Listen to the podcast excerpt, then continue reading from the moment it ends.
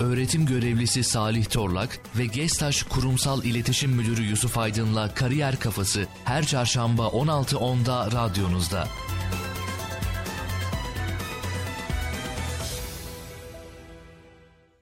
Evet, Kampüs FM dinleyicileri bu hafta yine Kariyer Kafası programıyla sizlerle birlikteyiz. Dördüncü haftamız. Yine her zaman olduğu gibi yanımda üniversitemiz öğretim görevlisi Salih Hocam var. Salih Hocam hoş geldin. Hoş bulduk. Herkese merhabalar.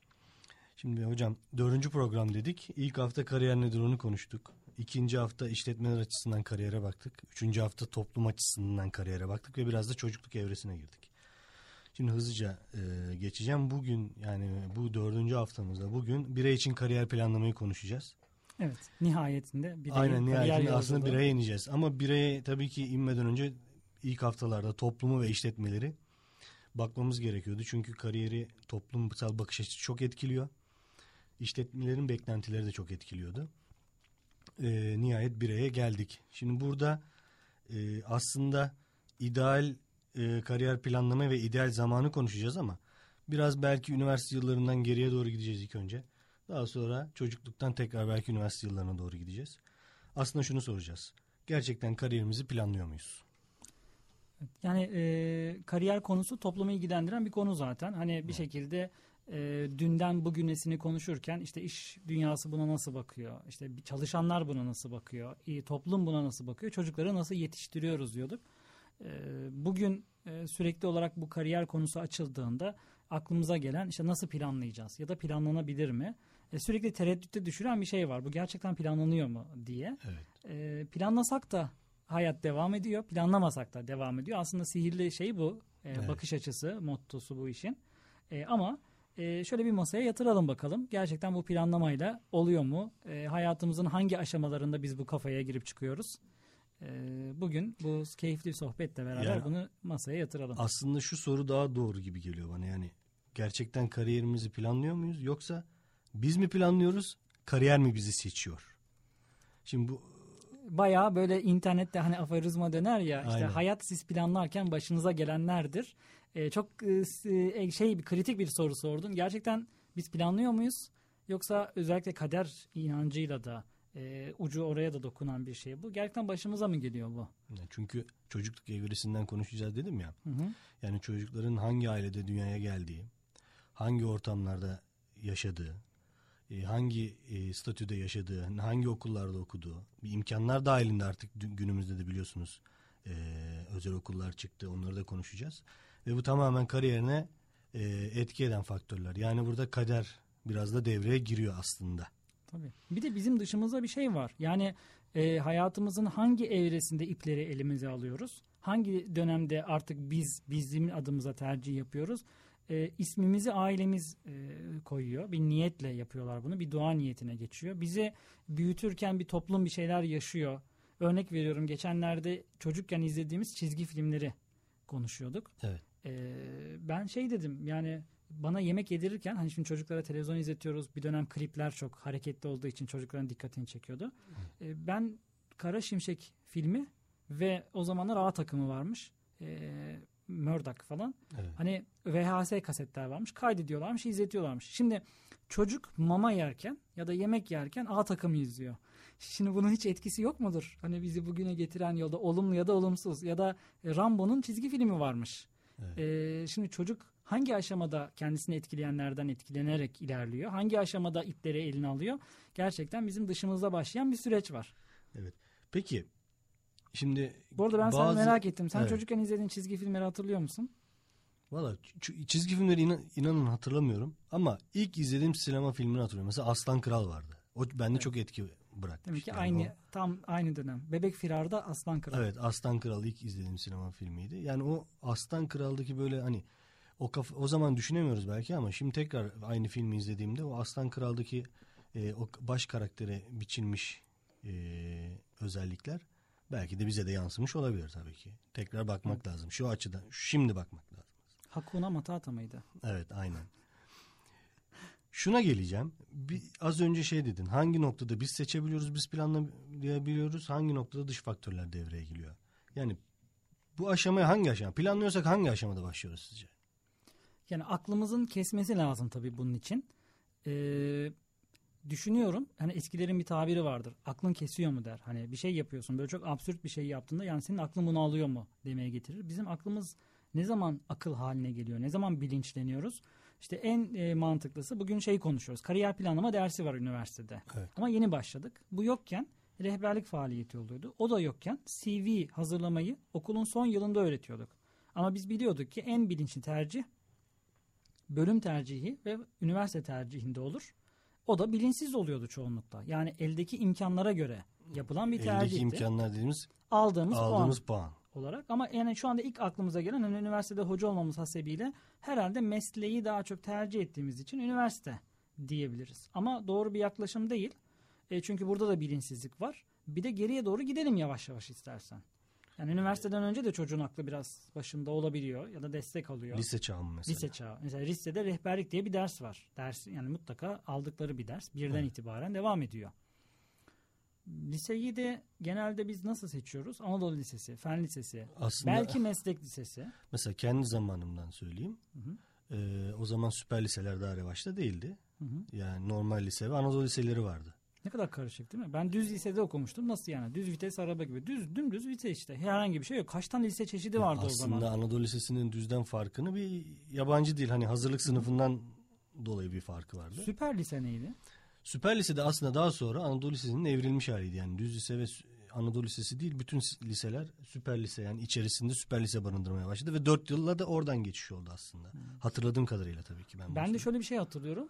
Bazı okulların ikinci bir programı gibiydi süper lise. Mesela Tabii. bizim okuduğumuz okulda da bir sınıf vardı. Bunlar süper diyorlardı.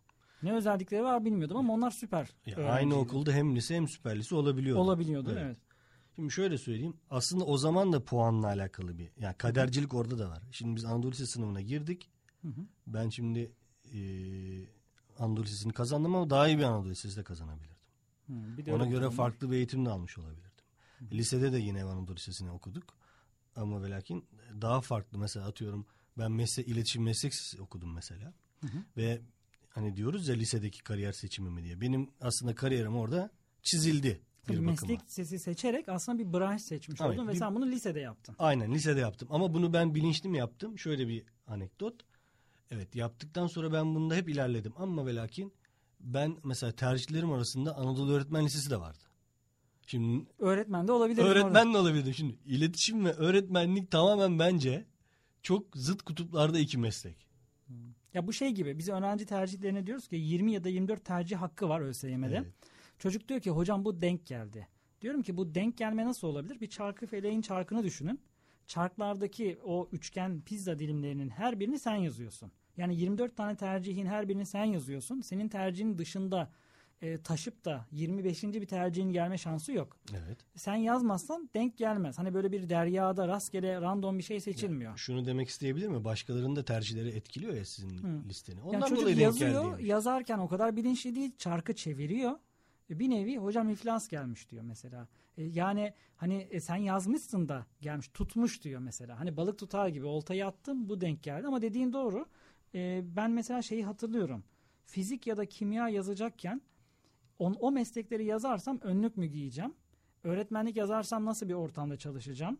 E, çünkü yazdığın her tercih seni o tıpkı çarkı felekte böyle tık tık tık yavaşlayınca böyle şey olurdu ya. Evet. E, çark tam dönerken acaba bin mi pas mı diye.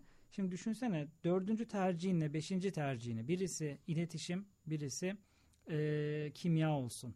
Yani bir anda hayatın bir tıkla e, bir gazeteden ya bir radyodan ya da bir televizyondan önün, arka Bir laboratuvara bir dönebilir. laboratuvara dönebiliyor ve biz bunu kendimize yapıyoruz. Ki bu tık da seninle birlikte yarışa giren diğer adayların tercihleri aslında. Aynen öyle oradaki minimum ama tabii sen tercihini lisede yapmışsın. Benim hatırladığımda düz lisede alan seçmiştik. Eşit ağırlık, sözel ve sayısal vardı.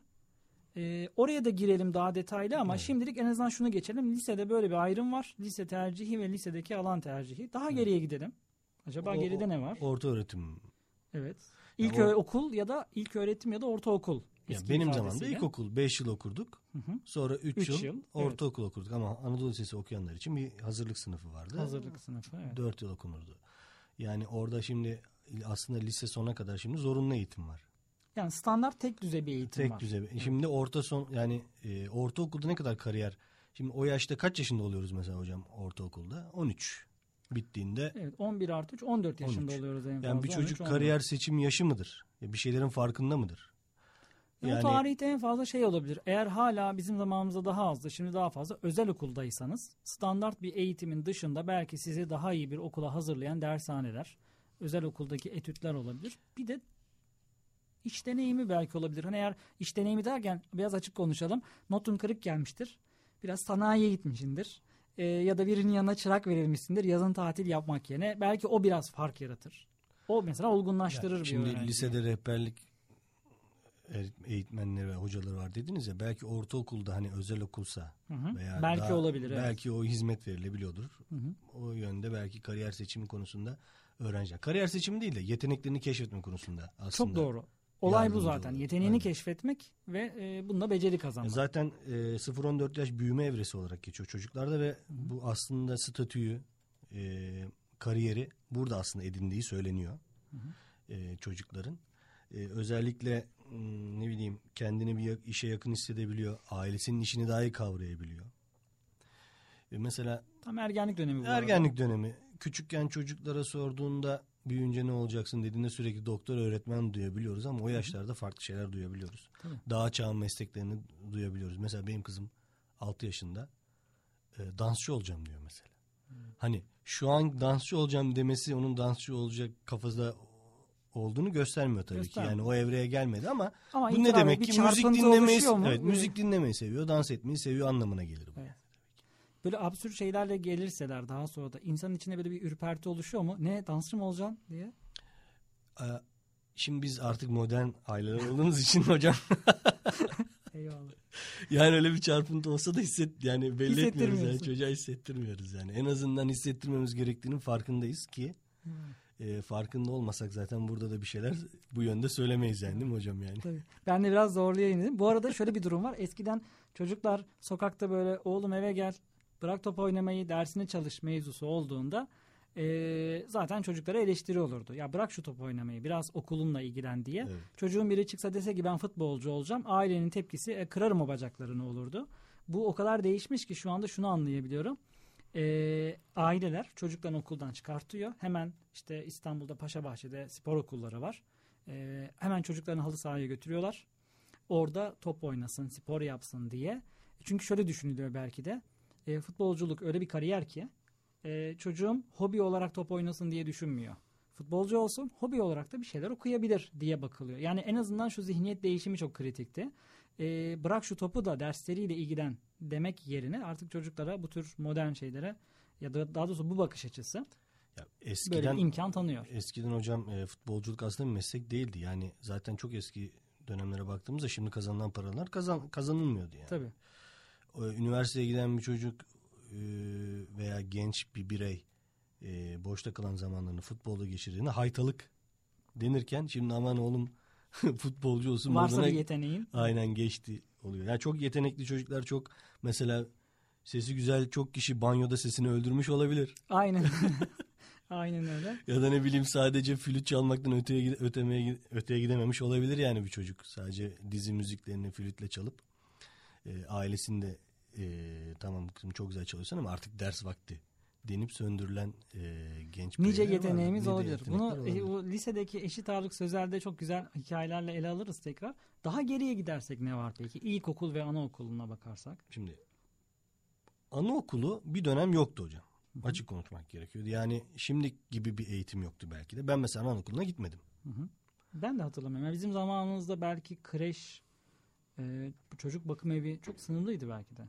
Ya sınırlıydı belki de e, devlet bünyesinde yoktu da özel olduğu için imkanlar yetmedi. Tabii çoğu duymuyor da Tabii olabiliriz ki, belki, evet, Duymuyor yani. olabiliriz ama ben o anı tatmadım yani. E, nasıl bir etkisi olduğunu da ölçemiyorum ama çocuklardaki etkisini görebiliyorum özellikle kendi çocuğumdaki. Daha sosyal kazandırıyor. Yani ev ve ailede geçin her zaman çocuğa vakit ayıramayabiliyor aile ki zaten sıkıntı bu. Vakit Artık çekirdek aileyiz. Evet. Yani dedeyle, anneanneyle, babaanneyle büyüyen bir nesil değil. Evet. Anne babanın Evet. yanında, anne Evet. babanın işinden vakit kalırsa Evet, ilgilenebildiği evet. O da çocuk. bir zaten sorunsal. Hı hı. Ee, yani kreşin etkisini kendime göremedim ama çocuğumda görebildim söyleyebilirim. Ya biz ne yapıyorduk? 7 yaşında şu an mesela 5 yaşında başlıyorlar. Hatta kreş 3'te Hatta 3 sütten yaşında. kesildikten sonra 2 yaşında başlatmaya da çalışılıyor ama Tabii en zorunluluktan 3'ten önce evet. dolayı belki anne Evet. babanın çalışması dolayı ama kesin kesin olarak yani genelde insanların tercihi 4 yaşında kreşe vermek. Zaten zannedersem 6 yaşına yakın 6 yaşında da e, ilkokul çağı başlıyor. başlıyor. evet. Ancak ben hatırladığım kadarıyla 7 yaşında biz ilkokula başlamıştık. Yani e, kreş görmeden bir ilkokul, devletin okulunun verdiği imkanlar, kendimizi ne kadar tanıyoruz, ailemiz bizi ne kadar serbest bıraktı yeteneklerimizi tanıma konusunda Hı hı. e, bilmeden bir süreçti aslında. Yani bizim ben açık konuşayım kaderciliğe daha yakındı benim kariyer planım aslında. Eyvallah. Ya kader her zaman var aslında. Oradaki yaklaşım belki şu. e, yani bu inanç anlamında, imani anlamında bir insanın hayatında başına gelecek her şeyin Allah'tan geldiğini, yapacağımız her şeyin de bir yerde kayıtlı olduğunu inandığımız durumda yine başımıza ne geleceğini bilmiyoruz. Yani bugün önümüzde iki tane tercih çıktığında hangisini seçeceğimiz bir yerde kayıtlıysa, biz buna iman ediyorsak hangisini seçeceğimiz konusunda bize bir ışık tutmuyor. Yani bu konudaki özgürlüğümüz sınırlanmıyor. Evet. Ee, yine sen istediğini tercih ediyorsun. Sadece şunu biliyorsun. Tercihte yaptığımda her tercih bir vazgeçiştir der ya. e, bir tercihte bulunduğunda onu tercih etmek yazıyormuş kaderinde. Bu aslında kaderciliği ka- kaza ve kadere iman diye niye söylüyor hocalarımız? Çünkü sen şunu da biliyorsun ki başına bir kaza geldiğinde evet senin yaptığın şeyler sebep oldu. Ama kesinlikle keşke demenin e, benim yüzümden oldu demenin, dövünmenin çözüme bir katkısı olmayacağına iman etmek aslında bu. Ama yine de e, evet bir kaderimiz var. Şöyle yapabiliriz istersen. Artık geriye doğru geldik. Belli Evet. ki biz aklımız kesmeye başladığı tarihte ya da okullu tarih 4 yaşında anaokul dedin. Evet. Biz 7'de başlamıştık. Evet. O yaşlarda başlıyor demek ki. Başlamadan önce şu kader kısmına bir Tabii lütfen. e, bir şey söylemek istiyorum. Yani kadercilik derken şu anlaşılmasın şimdi dinleyicilerin kafasında da. Ya ben elimden geleni yaptım. E, hayat bana bunları sundu değil aslında. Yani kaderden ziyade şu. Şimdi kariyer planında sadece her şeye siz yön vermiyorsunuz hocam. Sen de az önce dedin. Belli bir yaşlarda biz seçiyoruz ama belli bir yaşlarda farklı faktörler devreye giriyor. E, mesela belli bir yaştan sonra da mesela puanınıza göre bölüm seçiyorsunuz. Tamam eyvallah o da oldu. Bir yere geldiniz ama şimdi iş hayatına girdiğinizde e, farklı faktörler devreye giriyor. Dış faktörler fa- devreye giriyor. Çevre zaten Aynen. içinde. Aslında kader dediğimiz kısım bu. Yani beraber çalıştığınız insanların tutum ve davranışları. E, ke- onların da bir kariyer planları var sonuçta. Onların kariyer planları. E, sonuçta bir birimde çalışıyorsunuz ve bir, biri yönetici olacaksa bir birimden sizle beraber başkaları da var ve onların da bu yönde bir kariyerleri var. Tabii. Bir de Tek- ailenin işi çok önemli. Sadece hem senin çevrendeki rakipler önemli. Aynen. Biz kadercilik derken bu dış faktörlerden bahsediyoruz aslında. Bunu bir özetlemekte fayda var yani. Ee, hocam bir ara verelim aslında başlamadan önce bir müzik arası. Biz de e, seyirciler de bir nefeslenmiş olur müzikle. Ee, tekrar beraber olacağız bir müzik arası. Yak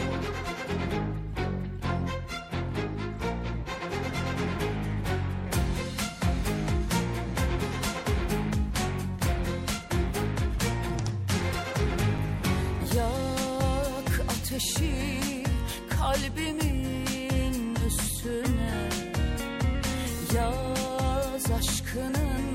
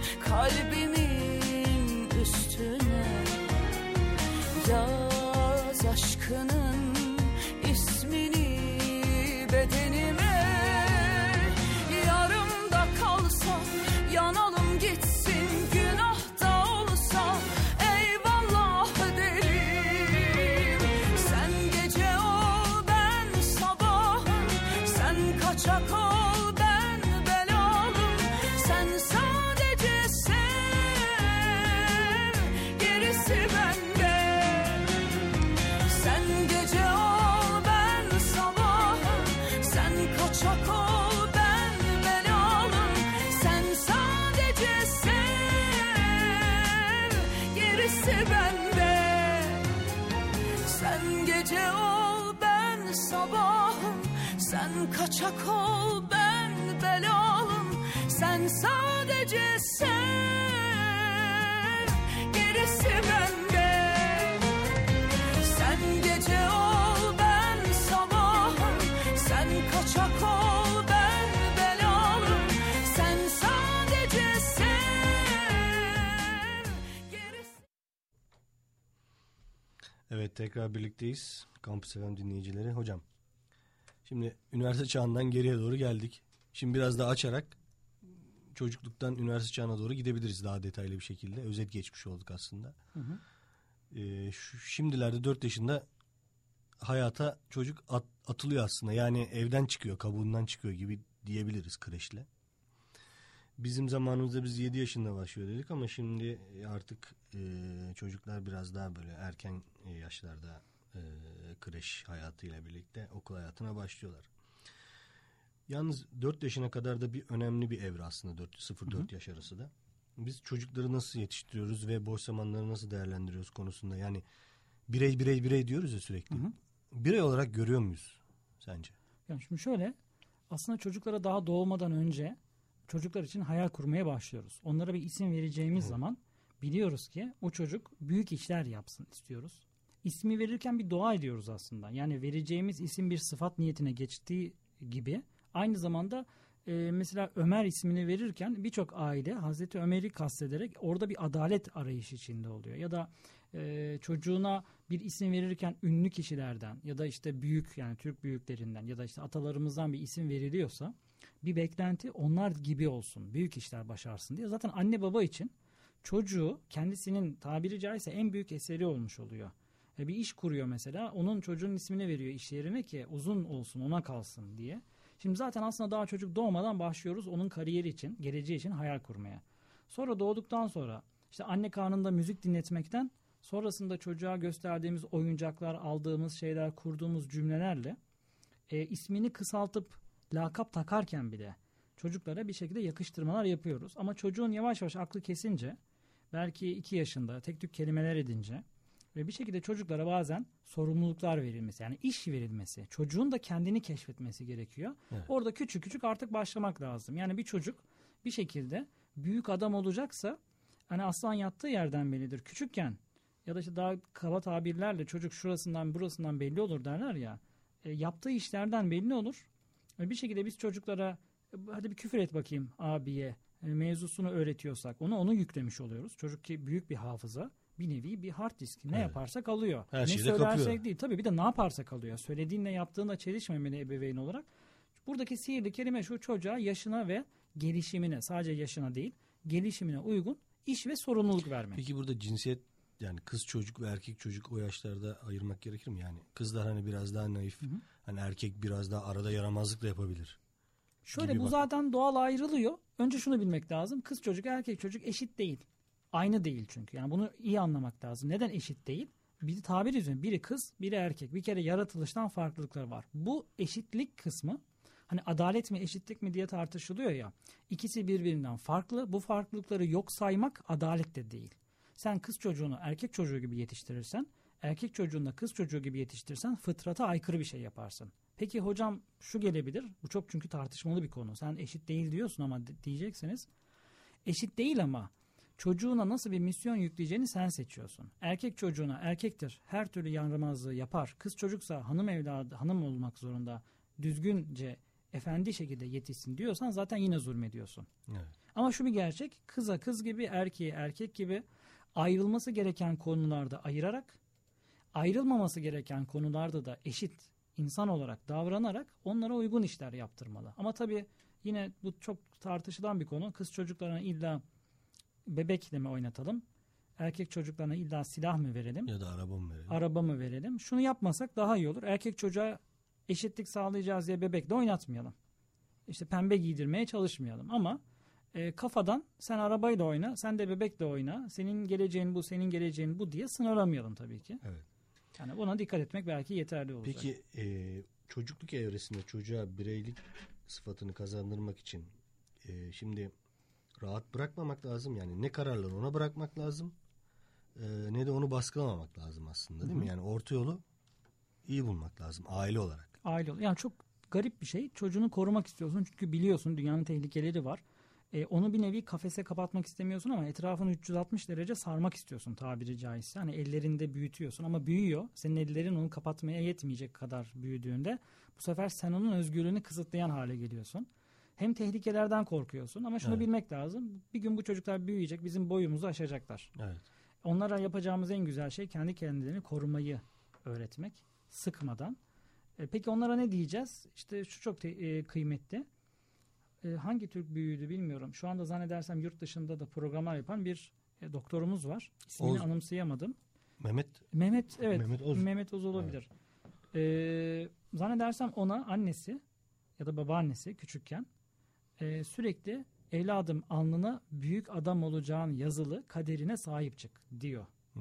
Küçücük çocuk bundan ne anlayacak diye düşünebilirsiniz ama her gün biri size sen büyük adam olacaksın ya da büyük bir insan olacaksın. Lütfen buna sahip çık derseniz o çocuğun aklında bir yer eder bu. E ona büyük nasihatler vermenize gerek yok. O kaderine sahip çıkarsa yani ben bunu hep e, şöyle düşünüyorum. E, hani altın kaşıkla doğmak değil söylediğim. Şimdi siz Fatih Sultan Mehmet'seniz eğer babanız size sürekli İstanbul'u fethetmekle ilgili planlar anlatıyorsa çocukken oyuncağınız işte top, tüfek, havansa siz havan mermisini bulursunuz. E, 18 yaşında da İstanbul'u fethedersiniz. Çünkü senin oynadığın oyun buysa. evet. E, bugün mesela Filistinli çocuklar daha küçük yaşlarda Filistin bayrağı çiziyor. silahla tanışıyor. Silahla tanışıyor ve özgürlük mücadelesi veriyor. Şimdi çocuğun yetişme zihniyeti neyse sen ona ne veriyorsan bazen diyorlar işte çoban üniversitede iyi bir yer kazandı. Biz zannediyoruz ki bu çoban dağda sadece hayvanlarla ilgileniyor. Aslında bir peygamber mesleği yapıyor orada. Daha da önemlisi çocuk hayvanlarla ilgileniyor ama kim bilir hangi misyonla ne yapmak için yetişiyor. Şimdi bugün mesela şu espri vardır ya bizim çocuklarımız niye çok başarılı olmuyor? Eskiden elektrik kesilirdi. Sokak ışığı. lambasının altında çalışırdı. Şimdi elektrik her gün yandığı için e, bizde akşamleyin sağ olsun internet, elektrik her şey var. Çelici çok şey var. Yok ki bir sıkıntı çocuk mücadelesi. Kıymet bilmemek Kıymet şey. bilmeme evet yani bir zorlayıcı bir şey bu anlamda zorlayıcı ve yokluk olmadığı için bazen bunun esprisini bile acı esprisini yapıyoruz. Bir şekilde çocuğu biz bazen kısıtlarımızla bile doğruya yönlendirebiliriz. Çocuklar o kısıttan kurtulmak için çalışıyor olabilir. Evet. Ve bir şekilde lise çağına geliyor artık delikanlı, Evet. ergen, enerjisi fazla e, ve işte nereye saracağını çok bilmeyen ama patlamaya hazır bir enerji bombası ortaya çıkıyor. Peki hocam e, şimdi çocukluk evresini ben yeterince konuştuğumuzu düşünüyorum. Hı hı. E, liseye geleceğim tekrar. Hı hı. Şimdi lise ve üniversiteye göre biz kariyerimizi seçiyoruz. Seçtiğimiz kazandığımız bölüme dedik ama şimdi kariyer deyince akademik başarı gibi görmek görmemek de gerekir bence. Yani illa Tabii. lise ve üniversite okunmalı mı mutlaka? Yani okunmalı mı derken tabii ki okuyacağız lise ve üniversite ama yani lisede ve üniversitede seçtiğimizle ilgili mi bir kariyer yapmamız lazım? Şöyle bir gerçek var. Şimdi eğitimin özellikle böyle kurgulu bir eğitimin hele hele şimdi 4 yaşında başlayan bir eğitimin çocuğa disiplinli bir şekilde belli bilgileri aktardığını biliyoruz. Tek başına bilgi aktarımı yeterli değil. Bunu uygulaması lazım. Belli bir beceri de kazanması lazım. Bu beceriyle beraber yeteneğini, yetenek doğuştan gelen bir şey, geliştirilebilir bir şey ama yeteneği de keşfetmek için neyin nasıl yapabildiğimizi bilmemiz lazım. Böylece hangi konularda yetenekliyiz, hangi konulara eğilirsek daha iyi noktaya geliriz anlarız. Ama eğitim aynı zamanda köreltici de bir durum. Yani bunu bir eğitimci olarak gerçekten net bir şekilde Ne aktarabilirim. Şöyle 4 yaşındaki bir çocuğu bireysel olarak eğitmeyip bir okul sistemine dahil ettiğinizde kurgulu olarak müfredata bağlı olarak çok şey öğreniyor. Ama çocuk Üniversite çağına geldiğinde su niye mavi değildir? Balık nasıl nefes alır? Ya da enteresan gelen, bazen tebessüm ettiren o çocukların sorduğu sorular var ya. Evet. Artık o soruları sormaktan vazgeçiyor. Ki bilim de böyle doğar. Merakla doğar, araştırmayla doğar. Şimdi bizim çocuklarımıza neyi yapıp neyi yapamayacağını o kadar ezberletiyoruz ki çocuk bir fanusun içerisinde üniversite okurken kafasında neleri yapamayacağına dair bir sürü şey öğrenmiş oluyor. Yani üniversite eğitim ya da kurgulu eğitim çocuğa köreltici bir şey oluyor. Örnek veriyorum hani biz üniversiteyi kazandık. Evet. Benim üniversite kazanamayan arkadaşlarım gidip çalışmaya başladılar. 3-5 yıllık deneyimden sonra da bazıları kendi işini kurdu. Bu seyyar satıcılık bile olsa. Evet. E bugün şimdi o arkadaşlarım şey diye düşünüyor. Acaba bir üniversite okuyayım bir kenarda diplomam dursun. Çünkü adam o kadar iyi kazanıyor ki. Ya da o kadar ne yapmak istediğini o kadar iyi biliyor ki. E 30 yaşına gelmiş öğrenci bazen ne yapmak istediğini bilmiyor. Eğer böyle okuyacaksak herkes okuyor biz de okuyalım. Vatan okumayana iş yok deyip de böyle yapıyorsak burada çok büyük bir tehlike var. İşte körelme bu. Düşünsene okul bitmiş. Diyorlar ki lisans bitirene iş yok yüksek lisans. Onu bitiriyor çocuk. Diyorlar ki yüksek lisans bitirene iş yok doktora bitirene var. Şimdi Bir bu dil kadar bilene iş yok, ikinci bir yabancı dil. Aynen öyle. Şimdi ne yapacağını bilmiyorsan bizde de- denizcilikte denir ki yani e, gideceği yeri bilmeyene hiçbir rüzgar yardımcı Aynen. olamaz. Yani sadece okulun sıralarını işgal edersin. E, işte o yüzden eğitim ne kadar kıymetli bir şeyse amaçsız yapılan eğitimin hiçbir faydası yok. Yani zorunda olduğumuz için mi okuyoruz gibi bir şey mi oluyor? Tabii aile de öyle. Çocuğunu niye okutuyorsun sorusuna okutmak lazım. Yoksa sen eğitime karşı mısın diyor. E, niye okutuyorsun sorusuna verecek bir cevabı yoksa bir durup düşünmesi lazım. Çünkü çocuklar liseye gelene kadar standart olduğu için hocam ortaokulu bitirdim liseye geldim diyor. Lise ile üniversite arasında puan ve her liseyi bitiren üniversite okuyamıyor ya her ortaokulu bitiren liseye gidiyor hemen hemen. Evet.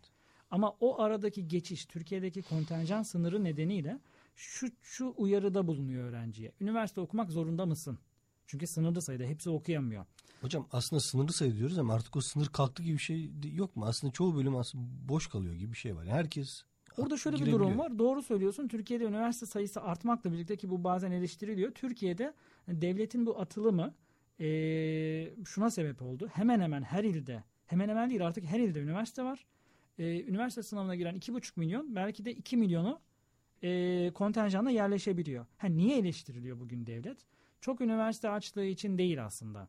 Eee, nitelikli eğitim veremediği için eleştiriliyor olabilir. Ama şunu ortadan kaldırıyorlar. Hani bazen öğrencimiz diyor ki hocam yurt dışında e, işte öğrenciler istediği gibi üniversiteye gidebiliyor. Bizde gidilemiyor. Şu anda devletimiz öğrencilerin bu mazeretini yani 2,5 milyonun sınava girip 700 bin kişinin e, yerleşebildiği günlerden 2,5 milyonun girip 2 milyonun neredeyse yerleştiği Evet. bir güne geldik. Güne. Kontenjan niye boş kalıyor? Çocuk bilinçli tercih yapıyor.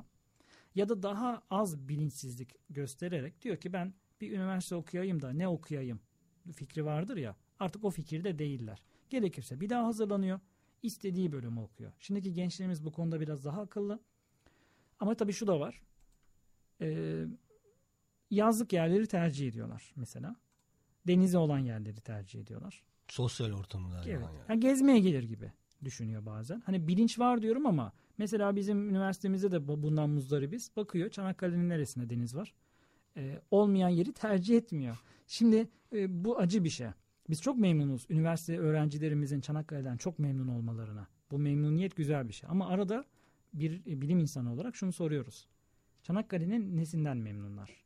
Çünkü eğer öğrenci burada geçireceği güzel günleri, üniversitenin muhteşem manzarasını seviyorsa yine bizim tereddütlerimiz var ve işte dediğim gibi öğrenci eğer bilinçliyse eğitim harika bir şey. Ama zaten mecburiyet hocam yani bitti geldik, bitti geldik diye düşünüyorsa bu bizim için gerçekten boşuna bir vakit kaybı. Peki hocam şimdi puanlarına genelde bizim ülkemizde e, üniversite sınavında aldığı puana göre tercih yapılıyor dedik. Hı hı. Şimdi kariyer merkezinde yönetiyorsunuz. Öğrencilerde de bu konuda birçok diyaloğunuz oluyor.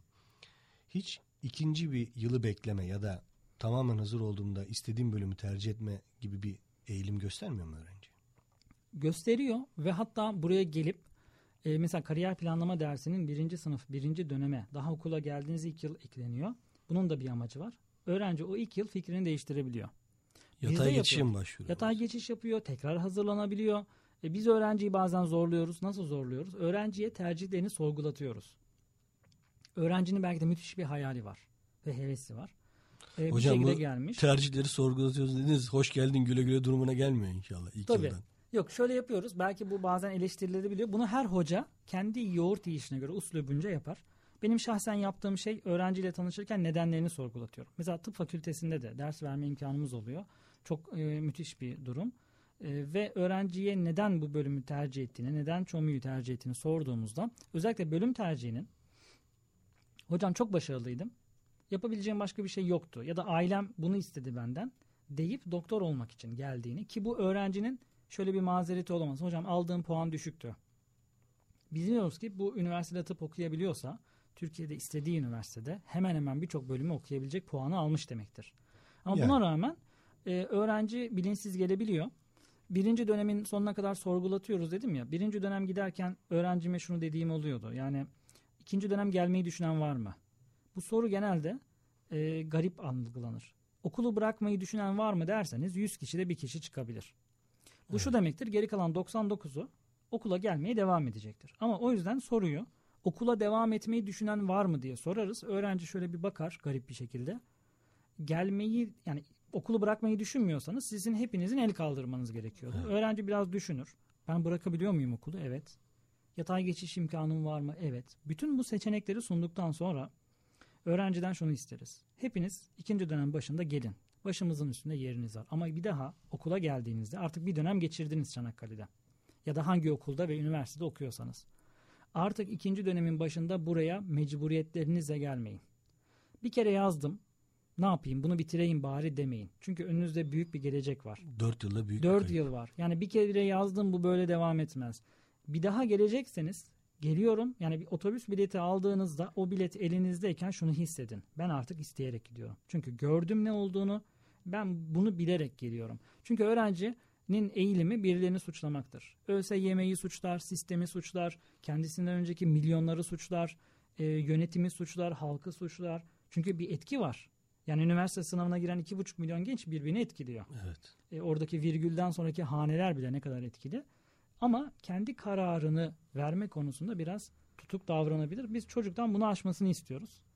E, bunu aşarsa ki hani şu çok önemli. Bu isterseniz o kısma girelim sonra bir dahaki hafta mı detaylandırırız? Kariyer tercihlerindeki bir sac ayağı var. Şu doğru tercih aşamalarından Doğru tercih. Yani bilmiyorum önce bir ara... Girebilirsin hocam yani e, 10 dakikamız var herhalde. 10 dakikayla tam yani o konuya girebiliriz. Vaktimiz var. Tamam. Şu çok önemli. Ee, bir birey kariyer tercihinden bahsediyorsa yani ben e, bir şeyler planlayacağım diye yap, planlamanın ilk aşaması ne istediğini bilmesidir. E, çünkü biz genelde mazeretlerden yola çıkarız. İşte aldığım puan buna yetiyordu. Türkiye Cumhuriyeti tıpkı Avrupa'da olduğu gibi ya da başka önerilen ülkelerde olduğu gibi insanların çeşitli yeteneklerle istediği bölüme gidebileceği bir ülke olsa ve ÖSYM kaldırılsa, Yani sınav, sınav kaldır- olmasın mı? Sınav olmasa, olmasın Öğrenciler bunu da- aslında dillendiriyor ama Evet. Ben aslında olmasa hani velev ki kısmını söylüyorum. Öğrenci diyor ki hocam aldığım puan buydu. Peki diyorum aldığın puanı unut. Hiçbir sınırlama olmasa hangi bölümü seçerdin? Bu sefer öğrenci duruyor. Neden duruyor biliyor musun? Çünkü sınava girmiş, bir puan almış. Sonra ÖSYM'nin kılavuzuna bakmış. Aldığı puana en uygun üniversiteler sıralanmış. Aralarından tercihte bulunmuş. Bütün bu sıralama ve tercihleri kaldırdığında öğrencimden şunu duyamayabiliyorum. Hocam ben bunu istiyordum. Hatta üniversiteleri nasıl sıraladın diyorum. Ben sıralamadım ki. Kılavuzda zaten yukarıdan aşağı sıralıydı diyor. Yani şöyle bir sıralamayla gelmemiş. Ben şu X bölümünü okuyacağım.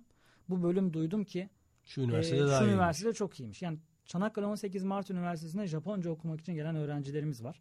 Eğer Japonca okuyacaksan en doğru yerlerden birisi burası. Evet. Ama sen buraya hasbel kadar gelmişsen hocam kılavuzda bunu gördüm. Yani denk gelmişse hani tesadüf mü tevafuk mu ayrımı. Evet. Yani rast gelmek başka bir şey. Ama sen bu gayreti göstermişsen, araştırmanı yapmışsan, sıralamanı ona göre yapmışsan bu bambaşka bir şey. Bugün e, o çok eleştirdiğimiz sınav sistemi bize bir sıralama sunuyor. Diyor ki sen elindeki puan bu, seçeneklerin bu. Tıpkı bu bir o yarışmada vardı ya puan veriyordu sonra hediye bölümüne giriyorsun, Evet. hediyeler seçiyorsun. Puanına göre. Bu sıralama bize tercihte kolaylık sağlıyor. En tehlikelisi hiçbir sıralama olmadan çocuğun ya da ailesinin onun yeteneğini tanıyıp ne yapmak isteyeceğini belirlemesi ki biz buna hayal diyoruz. Tıpkı soru da bilgiden doğar, cevap da bilgiden mantığında olduğu gibi bir insanın hayal kurabilmesi için ne istediğini bilmesi için de kendini tanıması gerekiyor.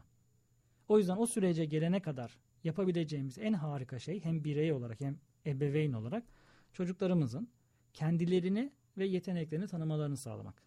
Bu da ancak bir şeyleri deneyerek, deneterek.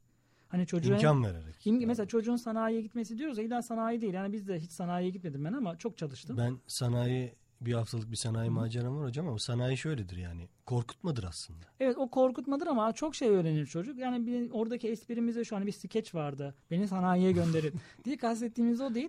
Ama çocuğun bir şeyleri deniyor olması lazım. Ee, insanların yanında bir esnafın yanında oturup çıraklık yapıyor. O pencereden lazım. de bakması lazım. hayata. Kesinlikle. Çünkü bir ustanın yanında yetişmek gibisi yok. Haliyle çocuğun şeyi demesi lazım. Ben şu konularda yetenekliymişim. Bu aynı zamanda bir kültür aktarımıdır. Bir değer aktarımıdır. Biz bunu çok unutuyoruz. Te- Teoriye öğretiyoruz. Çocuklarımıza ahlakı e, kim öğretecek sorusuna zannediyoruz ki çocuğa ahlakı öğretmen öğretir. Evet. Ahlakın öğretilebilir bir şey olmadığını anlamıyoruz. Hani hocalarımız bazen der ya din kültürü ahlak bilgisi. O kadar yanlış bir tabir ki. Yani din kültürü din kültürde kaldı. Ahlak da bilgide kaldı. Halbuki ahlak bir kültürdür. Evet. Dinin öğretilmesi gereken detayları vardır. Eğer Din bilgidir aslında. Tabii din bilgiyle beraber gelir ve inanırsın. Ama ahlak dediğin şey bir kültürdür. Yaşarsın. E bu- biz bunu kitaplara sığdırmaya çalışıyoruz. Yaşadan, yaşamdan uzak.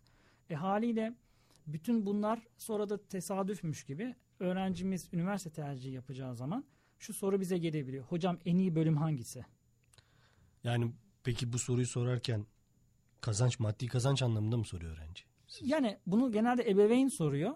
Öğrenci de sorabilir. Diyor ki bana öyle bir bölüm söyle ki bu beni muhteşem bir yere taşısın. Tabii ki kazanç, Para statü. kazanmak sonunda Tabii, yani aslında. hayatı Kariyerde de bu istiyor. hedef uzun vadede aslında hocam. Aynen öyle ama bizim verdiğimiz cevap şu oluyor. Sizin çocuğunuz en iyi ne yapar? Yani çünkü kariyer kişinin kendisine uygun Yani bir soruyla gömlek soru- soruya soruyla cevap verdiğinizde cevap alabiliyor musunuz peki bu soruya? Ee, aslında aradığımız şey tam olarak da bir cevap olmuyordu ama evet çoğunlukla şu fark ediliyor. Biz çocuğumuzu tanımıyoruz ki. Çünkü çocuk da kendini tanıyamıyor. Çünkü yani üniversite sınavına o kadar çok hazırlanmaya odaklanmış ki çocuk sınava girdikten sonra e, biraz rehberlik faaliyeti görecekse mesleklerle ilgili diyor ki ben sınava çok çalıştım biraz dinleneyim. Dinleniyor gerçekten. Sonra önüne işte ÖSYM'nin puanları açıklanıyor. E, çocuk hemen 2-3 haftalık bir sürede tercih yapmaya çalışıyor. 2 yıl 3 yıl sadece sınava hazırlanıp 3 haftadaki tercih döneminde tercihte bulunamazsınız. Meslekleri tanımak için 3 hafta belki yeterli olabilir. Bütün meslekleri araştırdınız ama kendinizi tanımak için bazen bu 3 hafta yeterli değil. O yüzden rehberlik hocalarının yaptığı çok güzel çalışmalar vardır. Çocuğa kendisini tanımak için vesileler verir. E bir de bu hepimizin için geçerli. Ben şimdi müzik aleti çalmıyorum hiç. Bir kemençe çalmayı denemiştim. Sonra vazgeçtim. Hüsran da. Hüsran aslında şöyle yeterince ilgilenmediğim için e, dinlemesi daha kolay geldi. Ama şunu düşünüyorum. Neye yeteneğim olduğunu hiç bilmiyorum. E, uygulamadan da bilemem. E, belki piyano çalmaya yeteneğim var. Belki de yok. Hani denemeden bunu bilemeyeceğimiz için çocuğa yapıla- yapılabilecek en güzel e, katkı bir şeyleri deneme fırsatı vermek. Ama bunu da mesela bizim burada çok görüyoruz. Çocuğu işte geçen de konuştuk ya çocuğu hafta sonu kurstan kursa dolaştırıyorsun. Diyorsun ki çocuğum günde 5 tane kursa gidiyor. Çocuğa sorsan en çok hangisini sevdin? Diyor ki kurs aralarında annemle babamla yolculuk yapıyorum ya. Bütün gün beraberim. Yani bu tabloya dönüştürmemek lazım. Yani kurstan kursa koşarken e, çocukluğunu yaşayamaması da bir probleme dönüşebilir Tabii. hocam. Hiçbirini istemiyor belki çocuk. Hiçbirisini istemiyor. Yani halı sahada maça götürüyorsunuz. Kramponlar, ayakkabılar, kıyafetler. Çocuk belki de diyor ki beni bırak. Şu mahallede biraz top oynayayım arkadaşımla. Kural yok, şey yok. Belki Yani- de amacı sadece terlemek çocuğun. Aynen o kadar kıymetli bir şey ki işte bunu kaçırmadan bunu anlamak lazım. Ee, bir de dediğim gibi çocuk yaratıcılığını kaçırmamalı. Ve çocuğun neyle oynadığına, nasıl oynadığına bakmak lazım. Çocuklar bizi çok taklit eder. Ee, bir süre sonra kendimizi görüyoruz çocuklarda. Evet. Hani bunu da anlamak lazım. İşte anne babalık da zor. Yani e, bilmediğin bir geleceğe çocuğunu hazırlıyorsun. Kendi değerlerin belli ama senin değerlerinin geçerli olmayacağı bir gelecek belki de. Yani sen ne öğrendiysen onu öğretmeye çalışıyorsun. Hatta hayallerin ve heveslerin içinde kaldıysa çocuğa onu aktarıyorsun. Bazı ebeveynler belki e, çağı da yakalayamayabiliyor hocam. Yani Tabii. Yani yaşadığımız dönemi anlayamamak, idrak edememek var ki sonraki nesli nasıl anlayacaksın? Zor bir süreç. Burada kader Hızla değişiyor aslında süreç. hızla değişiyor tabii. Yani eskiden parayla ilgili bu mevzu çok dönerdi. Her bayram şey konusu konuşulurdu. İşte biz çocukken şu kadar harçlık alırdık. Hep tartışma olurdu. O kadar değildir o. Şimdi enflasyon o kadar artıyor ki herkes o sıfırlara yetişemiyor. Evet. Hangi tarihte kaç para tartışması vardı? Şimdi biz kuşakları e, akademik olarak bile tartışıyoruz. Yani şu tarihte doğuyor. 5 senede bir kuşak değişiminden bahsediliyor. Alfabete yeni harfler veriliyor. E, işin gerçeği şu. Biz çocukları onların dönemine göre yetiştirmeye çalışacağız. Şıp sevdi olmasınlar diye uğraşacağız. Aslında dua edeceğiz. Ama duanın da fiili ve zikri duayı ayırmak lazım. Hani hoca soruyor çocuklara. Diyor ki evladım diyor bugünkü sınav için dua eden var mı? Hocam ben çok dua ettim diyor. Hiç çalıştın mı diyor. Hocam dua etmekten çalışamadım diyor. Diyor ki dua öyle bir şey değil ki. Bugünkü sınava akşam oturup 3 saat çalıştıysan bu fiili duadır.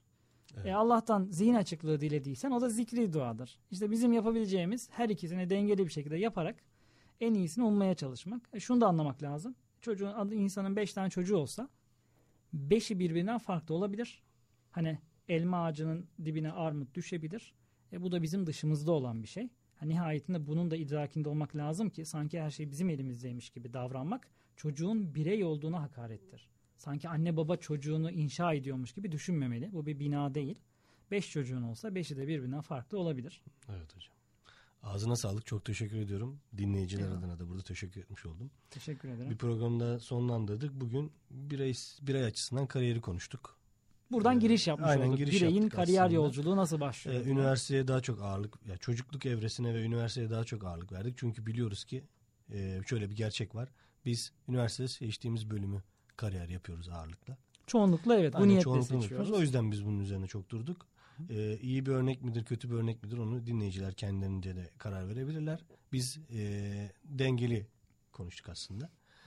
Bu bundan sonraki aşamada biraz daha hani üniversite sonrası veya belli bir yaştan sonra edinilmiş kariyer e, planlarına ve seçeneklerine bakacağız. Değişimlere bakacağız. E, ben hemen son saniyelerimiz çünkü hemen Twitter adresimi hatırlatmak istiyorum. Kariyer kafası. Bu sefer kafası demeyeceğim hocam uyarı aldım. Artık e, evet Twitter anladı. adresimiz kariyer kafası. Mail adresimiz de kariyer.comu.edu.tr ee, Biz de paylaşımda bulunarsa dinleyeceğimiz seviniriz. Teşekkür ediyorum. Herkese iyi akşamlar diliyorum. İyi akşamlar.